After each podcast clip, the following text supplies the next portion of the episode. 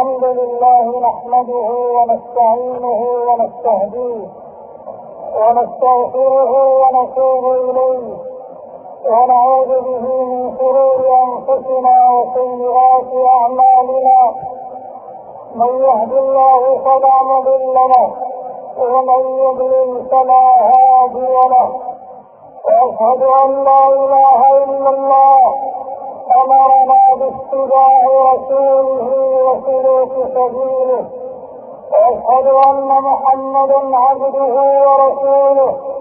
حثنا على اتباع هديه وسنته. وحذرنا من كل ما يخالف هديه وطريقته. فلا خير إلا دل الأمة عليه. ولا شر إلا حذرها منه. تركها على المحجة البيضاء لا يزيغ عنها إلا هالك ولا يحيد عنها إلا ضال. صلى الله وسلم وبارك عليه وعلى آله وصحبه ومن تمسك بسنته ولزم هديه إلى يوم الدين.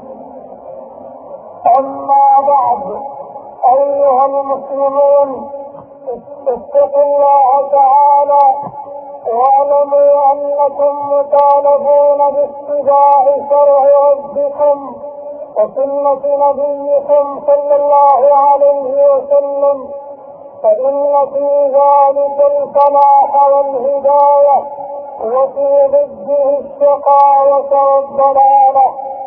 إخوة الإسلام في كل مكان لقد جاءت شريعة الإسلام شاملة شاملة لا تحتمل الزيادة والنقصان.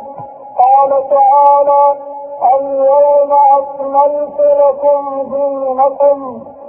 وشرط الشارع الحكيم بقبول الأعمال شرطين عظيمين. إذا اختل أحدهما فسد العمل وأصبح هداء منثورا أولهما أن يكون العمل خالصا لوجه الله. فلا رياء ولا سمعة؟ وثانيهما أن يكون ثوابا موافقا لشرع الله وسنة رسوله صلى الله عليه وسلم. فلا زيادة ولا بدعة. لأن نبينا محمدا صلى الله عليه وسلم بلغ البلاغ المبين ولم يبق من أصول الدين وفروعه شيئا إلا بينه صلوات الله وسلامه عليه. فالحق ما جاء به والصواب ما كان على وفق سنته.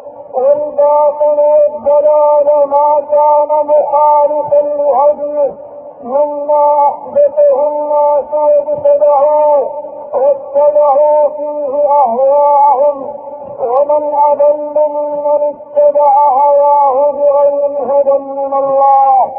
قال الامام مالك رحمه الله من ابتدع في الاسلام بدعه يراها حسنه وقد زعم أن محمدا صلى الله عليه وسلم خان الرسالة لأن الله يقول اليوم أكملت لكم دينكم فما لم يكن يومئذ دينا فلا يكون اليوم دينا.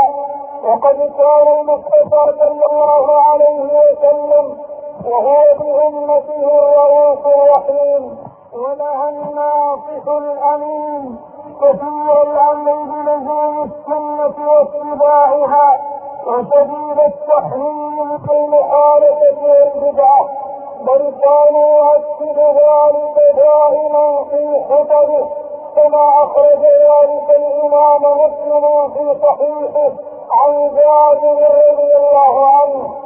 ولما امتد بالناس الزمن ابتعدوا عن آثار النبوة وفتحت عليهم الدنيا وآثروها على الأخرى انتشرت بينهم المحرمات وكثر وكثرت البدع والضلالات حتى اشتبه الأمر على كثير من المسلمين فوجب التنبيه على تلك البدع في حينها حتى يكون المسلم الحريص على اتباع السنة على بصيرة في أمر دينه وحتى تقوم الحجة وتتبين المحجة لكل من أراد السير على ما كان عليه محمد بن عبد الله صلى الله عليه وسلم وصحابته من بعده. والتابعون لهم في القرون الخيرة. أمة الإسلام وأتباع سيد الأنام صلى الله عليه وسلم.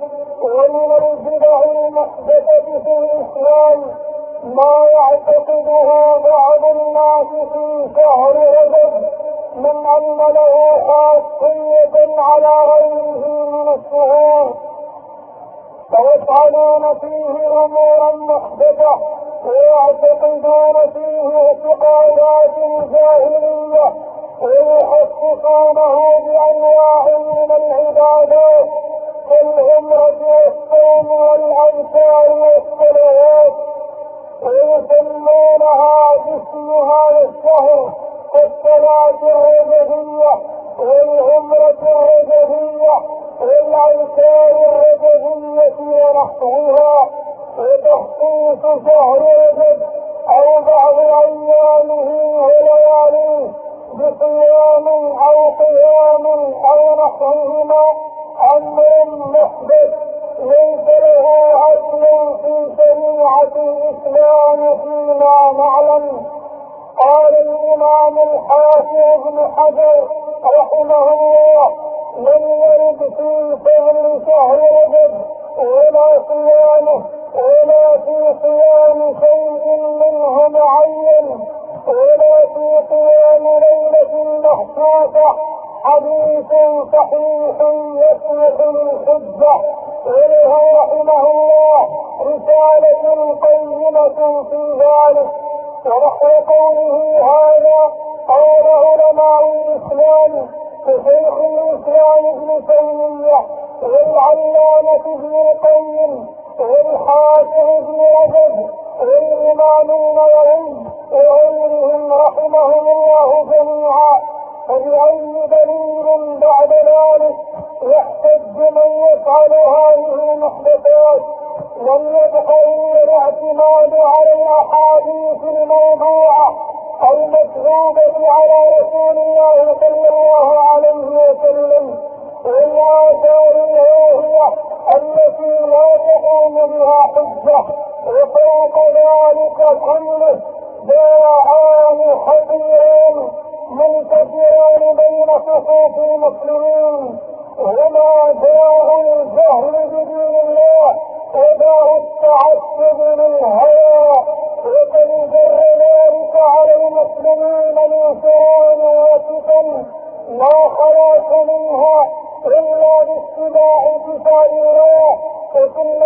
رسوله صلى الله عليه وسلم فاتقوا الله ايها المسلمون وتمسكوا بدينكم واتبعوا هدي نبيكم صلى الله عليه وسلم واحذروا الوقوع في كل ما يخالف سنته وسنة خلفائه الراشدين مما احدثه المتاخرون في دين الله بغير سلطان اتاهم فخير الأمور الثالثات على الهدى وشر الأمور المحدثات البدائع.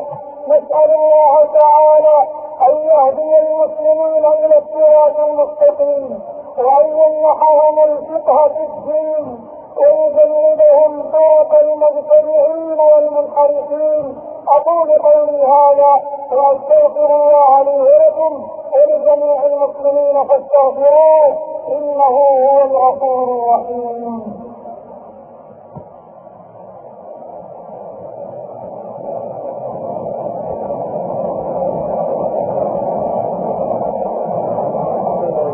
لله الذي أكمل لنا الدين ومن علينا باتباع سيد المرسلين وأشهد أن لا إله إلا الله وأشهد أن محمدا عبده ورسوله صلى الله عليه وعلى آله وصحبه وسلم تسليما. أما بعد فإن خير الحديث كتاب الله وخير الهدي هدي محمد صلى الله عليه وسلم وشر الأمور محدثاتها وكل بدعة ضلالة. عباد الله ومما احدثه الناس في شهر رجب تخصيصهم بعض الليالي لإقامة الأفراح والحفلات كليلة سبع وعشرين التي يزعمون أنها ليلة الإسراء والمعراج ويخصصونها بأذكار معينة وصلاة وأذكار محددة ونحن مع إيماننا بالإسراء والمعراج. واعتقادنا بوقوعه وأنه من آيات الله العظيمة إلا أننا نرى الاحتفال بذكراه خطأ صادق من وجوه أهمها أن الإسراء لم يكن دليل صحيح على تعيين ليلته التي وقع فيها ولا على الشهر الذي وقع فيه فالعلماء مختلفون في زمانه وتخصيص ليلة من الليالي للإسراء تخصيص لا دليل عليه. ثم لو ثبت تعيين الليلة لم يجد لنا أن نخصصها بشيء لم يشرعه الله ولا رسوله. ولم يرد عن الرسول صلى الله عليه وسلم ولا خلفائه وصحابته من بعده.